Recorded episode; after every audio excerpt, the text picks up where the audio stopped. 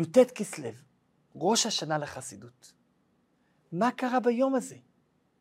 ולמה קוראים ליום הזה, יהיה מיוחד ככל אשר יהיה, בשם ראש השנה, חג החגים. אמנם ראש השנה לחסידות, אבל למה היום הזה זכה לקבל כינוי כזה נעלה? ומה זה אומר אלינו? כדי להבין את זה, בואו נתחיל מההתחלה. סיפור המאסר והגאולה. חסידים נהגו כל שנה מחדש ביום י"ט בכסלו לספר מחדש את סיפור המאסר והגאולה. האדמו"ר הזקן, רבי שנור זלמן בניאדי, היה תלמיד של המגיד ממזריץ', תלמידו של הבא שם טוב הקדוש. עוד בצעירותו נודע כעילוי גדול. הוא נולד ביום חי באלול תק"א, יום ההולדת של הבעל השם טוב. הבעל השם טוב אמר לאביו, ייוולד לך עוד ילד גדול. הוא אמר זה גם לתלמידים שלו. וכשהגיע לגיל שלוש, הבעל השם טוב גזר לו את השערות ובירך אותו. אבל הוא נתן הוראה לאבא לא לשלוח את הילד אליו, אלא שהילד כשיגדל יבוא בכוחות עצמו. ואחרי חתונתו, האדמו"ר הזה כן עמד בפני צומת דרכים. איפה ללכת? הוא כבר גמר את כל הש"ס, היה בקיא כבר בכל התורה בעל פה. השאלה אם ללכת לווילנה, ללמוד עוד גמרא אצל הגאון מווילנה, או ללכת למזריץ', ללמוד חסידות אצל המגיד ממזריץ', תלמידו של הבעל שם טוב, כי הבעל שם טוב כבר הסתלק, הבעל שם טוב הסתלק כשהאדמו"ר הזה כן היה בגיל 15. לאיפה ללכת?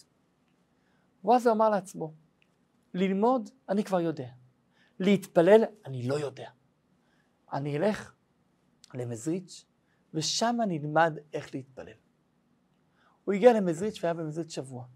הוא שמע שם חידושים גדולים מאוד בקבלה. הוא נכנס למגיד ממזריץ' עם איזו שאלה גדולה שהיה לו בעץ חיים של האריזל, שכתב את זה רבי חיים ויטל, והמגיד ממזריץ' ענה לו. ענה לו תוך כדי שהוא קורא זה נכון, קרא את זה קצת אחרת וענה לו, והאדמו"ר הזה כן היה בהשתוממות. אבל עם זאת, בסוף השבוע, לאחר השבת, נכנס האדמו"ר הזה כן, אמר תודה למגיד ממזריץ' ואמר לו, נהניתי מאוד, אבל אני ממשיך הלאה. באותו הזמן נכנס איזה יהודי, המגיד ממזריץ', שהיה גם רב העיר מזריץ', עם שאלה בהלכות טרפות, עם איזה ריאה של בהמה, אם היא כשרה או לא כשרה.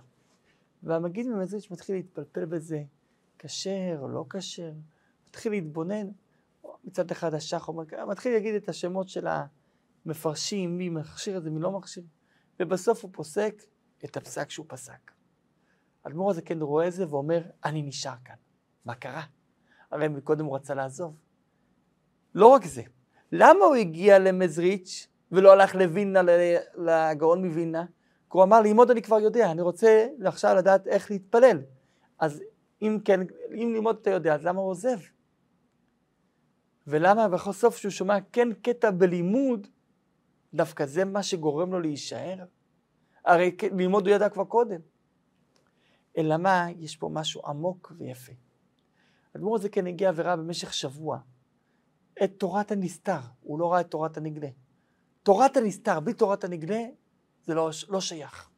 ולכן הוא אמר, אני עוזב. אבל כשהוא ראה שם, מגיד ממזריץ' גם, טוב, גם בתורת הנגלה, לא רק יש לו בלי גבול, שזה תורת הנסתר, אלא גם יש לו את הגבול, שזה תורת הנגלה, הוא אמר, פה אני נשאר. ולכן הוא נשאר שם שנה וחצי, לאחר מכן נסע לביתו, חזר שוב לעוד שנה וחצי. ובשנה וחצי, ועוד שנה וחצי, סך הכל שלוש שנים, הוא למד מהמגיד ממזריץ' את כל תורת החסידות. למד ממנו גם כן הרבה דברים נוספים, והמגיד ממזריץ' אמר לו לכתוב את השולחן ערוך שלו. שולחן ערוך עם ההלכות בטעמיהן, שיהיה מובן, לא רק את ההלכה עצמה, אלא עם טעמי ההלכה. וזה מה שנקרא היום שולחן ערוך אדמו"ר הזקן, או בשם שלו השני, שולחן ערוך הרב. הרב, למה כי אדמו"ר הזקן, החסידים כולם, ובכלל באירופה היו קוראים לו בשם הרב. ככה הרב אומר, הרב זה אדמו"ר הזקן. ולכן אדמו"ר הזקן חיבר את תורת הנגלה עם תורת החסידות. מה שהוא ראה אצל המגיד, הוא חיבר את זה כל הזמן. זה המוטו שלו נהפך להיות. ומצד אחד היה זה שכתב את השולחן ערוך, את השאלות ותשובות, את כל ההלכות, ומצד שני הוא מי שחיבר את ספר התניא. הוא מי שחיבר את מאמרי אדמו"ר הזקן, תורה אור, לקוטי תורה, כל המאמרים שאומר מדי שבת בשבתו. הכל עשה אדמו"ר הזקן. כל המאמרים של כל אדמו"רי חב"ד, כולם מיוסדים על מאמרי אדמו"ר הזקן. כל רבותינו, נשיאינו, תמיד היו אומרים מאמרים שכולם רק מבוססים על תורתו של אדמו"ר הזקן. כי אדמו"ר הזקן, רבי שנור זלמן, הוא היסוד של כל חסידות חב"ד. והוא חיבר את הנגלה ואת הנסתר. וזה מרומז גם בשם שלו, שני אור, שני אורות, תורת הנגלה ותורת הנסתר. הוא הראשון בהיסטוריה היהודית שלקח את תורת החסידות, שעשה אותה ברורה וזמינה לכולם. גם לפני זה היה חסידות, הבעל השם טוב הביא את החסידות. אבל הבעל השם טוב הביא את החסידות בצורה של רעיונות קצרים, וגם ללא ספר כתוב. גם כשהתולדות יעקב יוסף כתב את הספר של חידושי הבעל השם טוב, זה הכל בדברים קצרים. הראשון שעשה חיבור מקיף, שמסביר את החסידות, שבעצם החסידות זה הנגשה של הקבלה לחיי היום-יום שלנו, כי הקבלה זה יותר בדברים הגבוהים, והחסידות לוקחת את הקבלה ומנגישה את זה לחיי היום-יום לעבודת השם. האדמו"ר הזה כן לא הראשון שכתב את זה בספר, ולא סתם בספר של חידושים על הפרשה, וזה שזה מצוין כמובן, אבל לא רק זה, אלא בספר בנוי שמסביר מההתחלה עד הסוף, ב-53 פרקים, שכל פרק זה נדבך מעל נדבך, את כל יסודות תורת החסידות, באופן שכל אחד יכול להבין את זה, להתעמק בתניא ויכול להבין את זה. עד כדי כך שספר התניא נקרא תורה שבכתב של החסידות.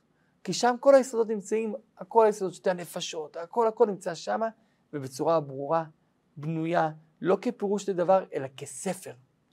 עד כדי כך שרבי לוי יצחק מברדיצ'וב, כשקיבל את זה, התפעל כל כך. אמר, איך הצליח להכניס בעל התניא, רבי שנור זלמן, אלוקים כל כך גדול בספר כה קטן, והתפעל התפעלות גדולה מאוד. ועל זה לא כולם שתקו.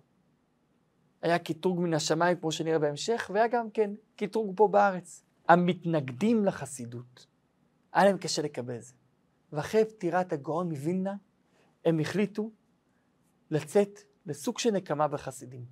ובחודש סיוון תקנ"ח הם הגישו כתב הלשנה נגד אדמו"ר הזקן, שהוא מורד במלכות רוסיה. איך הוא מורד? למה הוא מורד? פשוט מאוד. אדמו"ר הזקן נסע לארץ ישראל יחד עם רבו, רבי מנחם מינדל ויטפס, כשהיה ממשיך שם מגיד ממזריץ'. כשהגיעו לגבול של רוסיה, אמר לו רבו, רבי מנחם מנדל, אתה תישאר ברוסיה, תנהיג פה את החסידים, אני אמשיך לארץ. רבי מנחם מנדל ויטפסק באמת המשיך לארץ, יחד עם קבוצה גדולה מאוד של חסידי הבעל שם טוב והמגיד ממזריץ', העלייה הראשונה של החסידים, חידשו את היישוב היהודי בצפת, ולאחר מכן הם עברו לטבריה, והשתקעו בטבריה, וחידשו שם את היישוב היהודי בטבריה.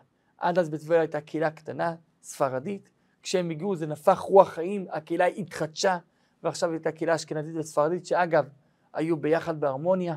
רבי מנחם מנדל ויטבסק שידך את הבן שלו עם הבת של רב הקהילה הספרדית, הרב אבולעפיה, כדי שהקהילות יחיו ביחד בשלום ובשלווה, ואכן הכל היה בסדר, אבל לצערנו, לא הרבה שנים אחרי בואו לארץ, רבי מנחם מנדל ויטבסק נפטר. והחסידים היו שבורים, ללא מטה, לחם, והאדמו"ר הזקן שולח להם כספים.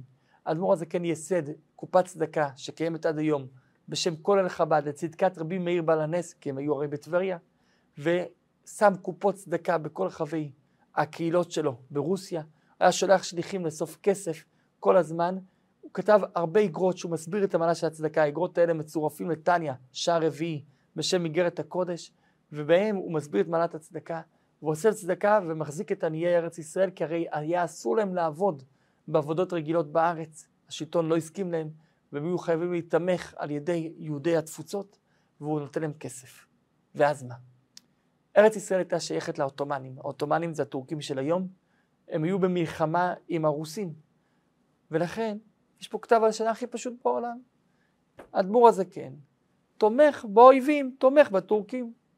לא משנה שזה לא נכון, הוא תומך ביהודי ארץ ישראל, לא בטורקים, אבל זה עילה לכתב הלשנה. אכן בחודש אלול זה הגיע על ידי המושל המחוזי, והוא מחליט לבדוק את זה.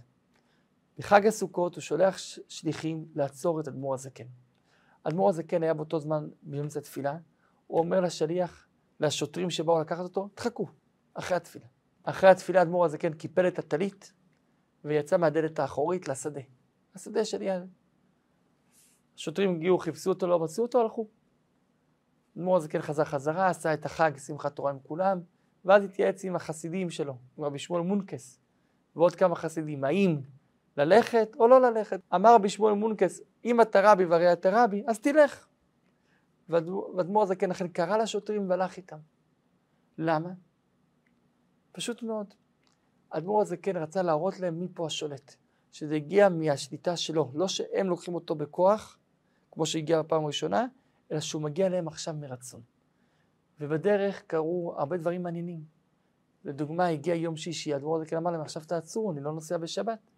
אבל לא, אנחנו ממשיכים לנסוע. אבל אם תעצרו, לא ממשיכים לנסוע. ואז הגלגל של העגלה נשבר, הם היו חייבים לעצור, תיקנו את זה. תיקנו את זה, המשיכו לנסוע, ואז הסוס מת. אין כבר כתוב שאדמו"ר הזה כן, כשאמר שהוא יישאר שבת ולא ייסע, הוא באמת התכוון לכך. ולכן הם נשארו שמה שבת, ובינתיים הביאו סוס חדש מהכפר הסמוך, ואחרי שבת הם המשיכו לנסוע. ואדמו"ר הזה כן אכן הגיע לבית המעצר בעיר הבירה פטרבורג שברוסיה. שמה שם אותו בכלא הגדול שנמצא במבצר שליד העיר פטרבורג. המבצר היה סמוך לנהר, וכל פעם שהיו לוקחים אותו לחקירות, היו לוקחים אותו לסירה ולוקחים אותו לחקירה בצד השני של הנהר. והאמת היא שהחוקרים נהנו, כי הדמור הזה כן היה בר שיחה מעולה כמובן, שענה להם בכל השאלות שעניינו אותם. עניינו אותם הרבה דברים ביהדות, כבר הייתה הזדמנות לשאול, ואפילו הגיעו השרים ושאלו את אדמו"ר זקן שאלות. זה היה מוקד עלייה לרגל. והחסידים לא ידעו מה עם אדמו"ר הזקן. ואדמו"ר הזקן מביאים לו אוכל לאכול והוא לא אוכל, כי הוא לא רוצה לאכול מלא כשר. עד ששואל אותו הפקיד, מה אני אביא לך לאכול? אומר לו, תביא לי דייסה, מאחד מהחסידים שגרים פה בעיר, אמר לו את השם של החסידים, את זה אני כן יכול לאכול. אותו אחד הלך באמת להביא דייסה, והוא הביא דייסה מאחד מהחסידים, ואז אותו חסיד חשד שאולי זה בשביל אדמו"ר הזקן. אז הוא כתב פתק מתחת הדייסה, שם את זה מתחת המאכל עצמו, עבור מי זה. ואז אדמו"ר הזקן, כשהוא הגיע לשם, אדמו"ר הזקן כתב שמע ישראל השם אלוקינו השם אחד, ושלח את זה בחזרה לאותו חסיד. וככה ידעו שאדמו"ר הזקן חי. היה מקרה נוסף, שבו אדמו"ר הזקן העביר מסר, גם כן דרך השר, שיגיד לחסידים שהוא חי, והשר הזה שלח איזה ירק גדול, מלון, עטוף בפתק שהיה שם בתוכו, ושם היה כתוב גם כן שאדמו"ר הזקן חי, וככה החסידים ידעו שאדמו"ר הזקן חי. ואדמו"ר הזקן היה במעצר, וסבל עינויים, ושאלו אותו שאלות. באחד הלילות לוקחים את אדמו"ר הזקן לחקירה. ואדמו"ר הזקן רוצה לברך קידוש לבנה. אבל הוא רוצה שהסירה תעצור כדי שיעשה קידוש לבנה כמו שצריך. ונהג הסירה לא רצה לעצור. אז אדמו"ר הזקן עצר את הסירה בכוחות עצמו. כל מיני שמות קדושים, לא יודע איך, עצר. בעל הסירה מנסה להפעיל את הסירה, לא מצליח, משתומם מזה. הוא אומר, מה זה? אדמו"ר זקן אמר, עכשיו הסירה תמשיך, ואתה תעצור לי, נברך קידוש לבנה. אכן הסירה המשיכה, ואדמו"ר הזקן אמר לו, עכשיו תעצור, הוא עצר את זה, ועשה קידוש לבנה. שואל הרבי למה?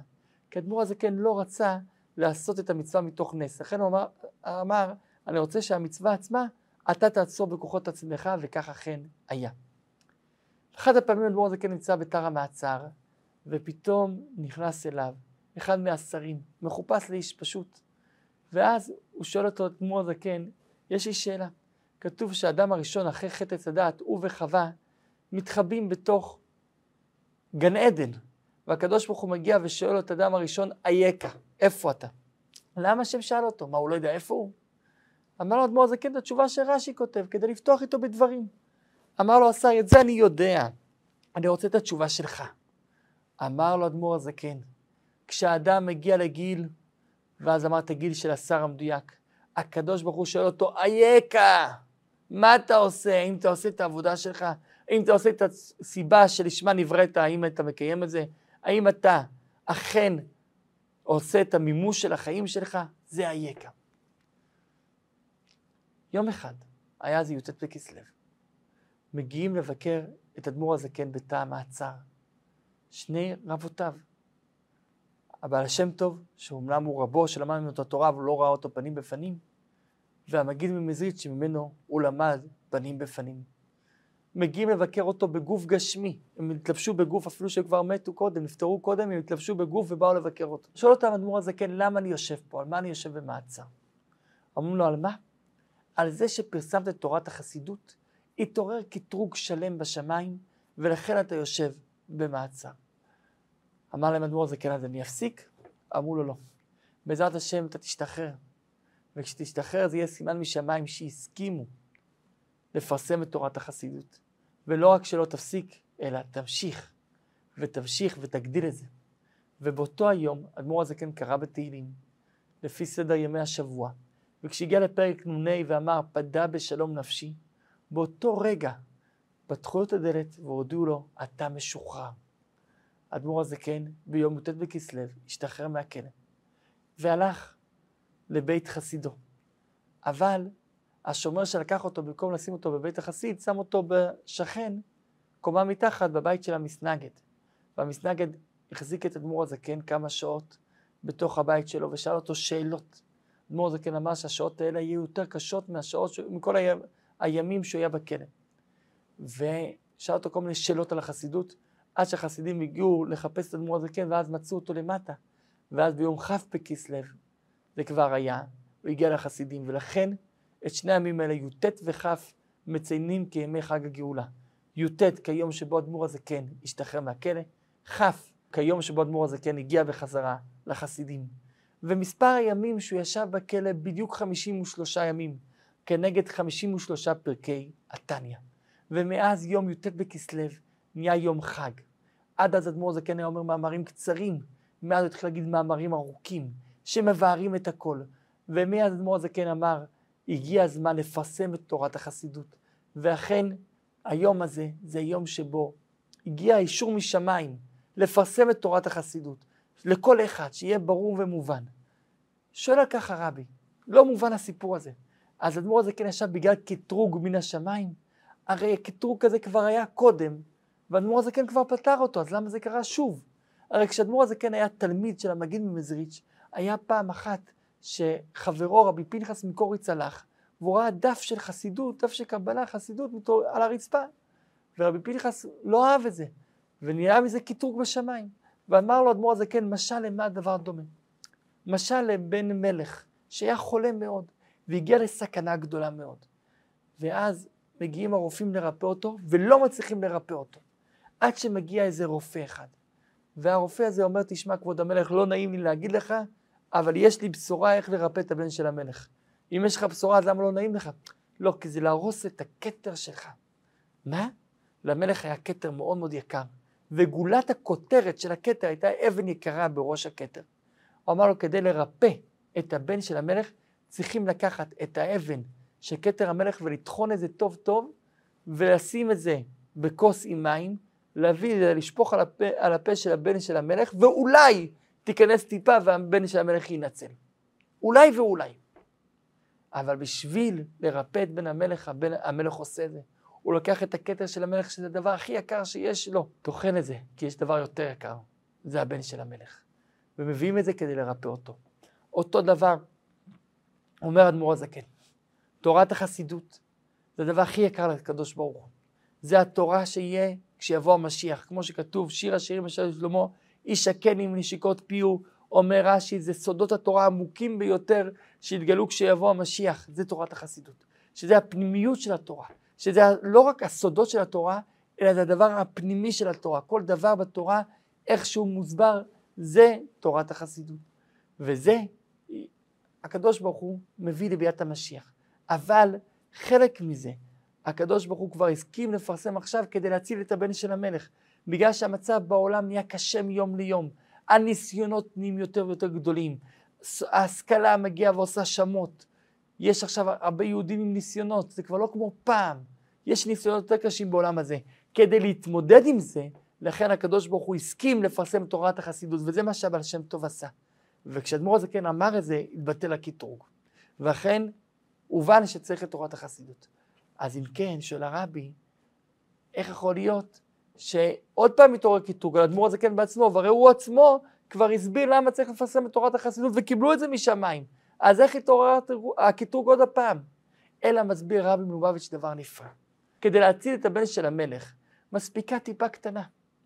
וזה החסידות איך שהיה עד אדמו"ר הזקן, שאלו רעיונות קצרים, לא מדי ברורים לכולם, שלא כולם מבינים אותם. זה מספיק כדי להציל את הבן של המלך, זה מספיק כדי להלהיב את הנשמות, להציל אותם מידי סכנות העולם. אבל אדמו"ר הזקן עשה יותר מזה, הוא לקח את כל הסודות והסביר את זה בצורה ברורה לכולם. ספר התניא אתה יכול לקרוא והכל ברור ומוברר. זה כבר לא עונה המשל שאדמו"ר הזקן הביא על בן המלך. מאיפה זה יש לו את הרשות? ולכן זה היה קטרוג. ועל כך בעצם בשמיים הייתה מלחמה. האם זה כן אפשרי או לא אפשרי? כי בלימוד תורת החסידות יש שתי סיבות. יש סיבה כדי להציל את בן המלך, וזה מספיק, כמו שאמרנו, טיפה קטנה. אבל יש עוד דבר, הכנה לביאת המשיח. להתכונן לביאת המשיח, טעימה בביאת המשיח. ולזה לא מספיק טעימה קטנה, זה כבר בהבנה, בהשגה, כמו שיהיה כשיבוא המשיח. וזה מה שאדמו"ר הזה כן עשה. וביום י"ט בכסלו ניתן האישור גם על זה. ולכן אומנם היה קיטרוג, אבל האדמו"ר הזה כן ניצח בקיטרוג. וניתן הרשות לפרסם את תורת החסידות גם באופן של הבנה, השגה. ולכן אנחנו חוגגים את היום הזה. זה לא סתם יום שבו יצא צדיק מהכלא, שזה גם דבר גדול, אבל זה לא זה, זה לא יום הצלה. זה הרבה יותר מזה. זה חג גאולה של תורת החסידות. זה יום שבו תורת החסידות ניתנה לכולנו, ולכן זה נקרא ראש השנה לחסידות. היום שבו אפשר לקרב ולהתקרב לתורת החסידות. ולכן זה הזמן להתחזק בהחלטות טובות, בלימוד ספר התניא, בלימוד תורת החסידות, וביום י"ט בכסלו להשתתף באיזו התוועדות שבו מתעוררים על זה, ובעזרת השם נזכה במהרה בימינו, שיבוא משיח צדקנו וילמד אותנו את סודות התורה, פנימיות התורה, בצורה מלאה. יהי רצון שנזכה לזה במהרה בימינו. אמן.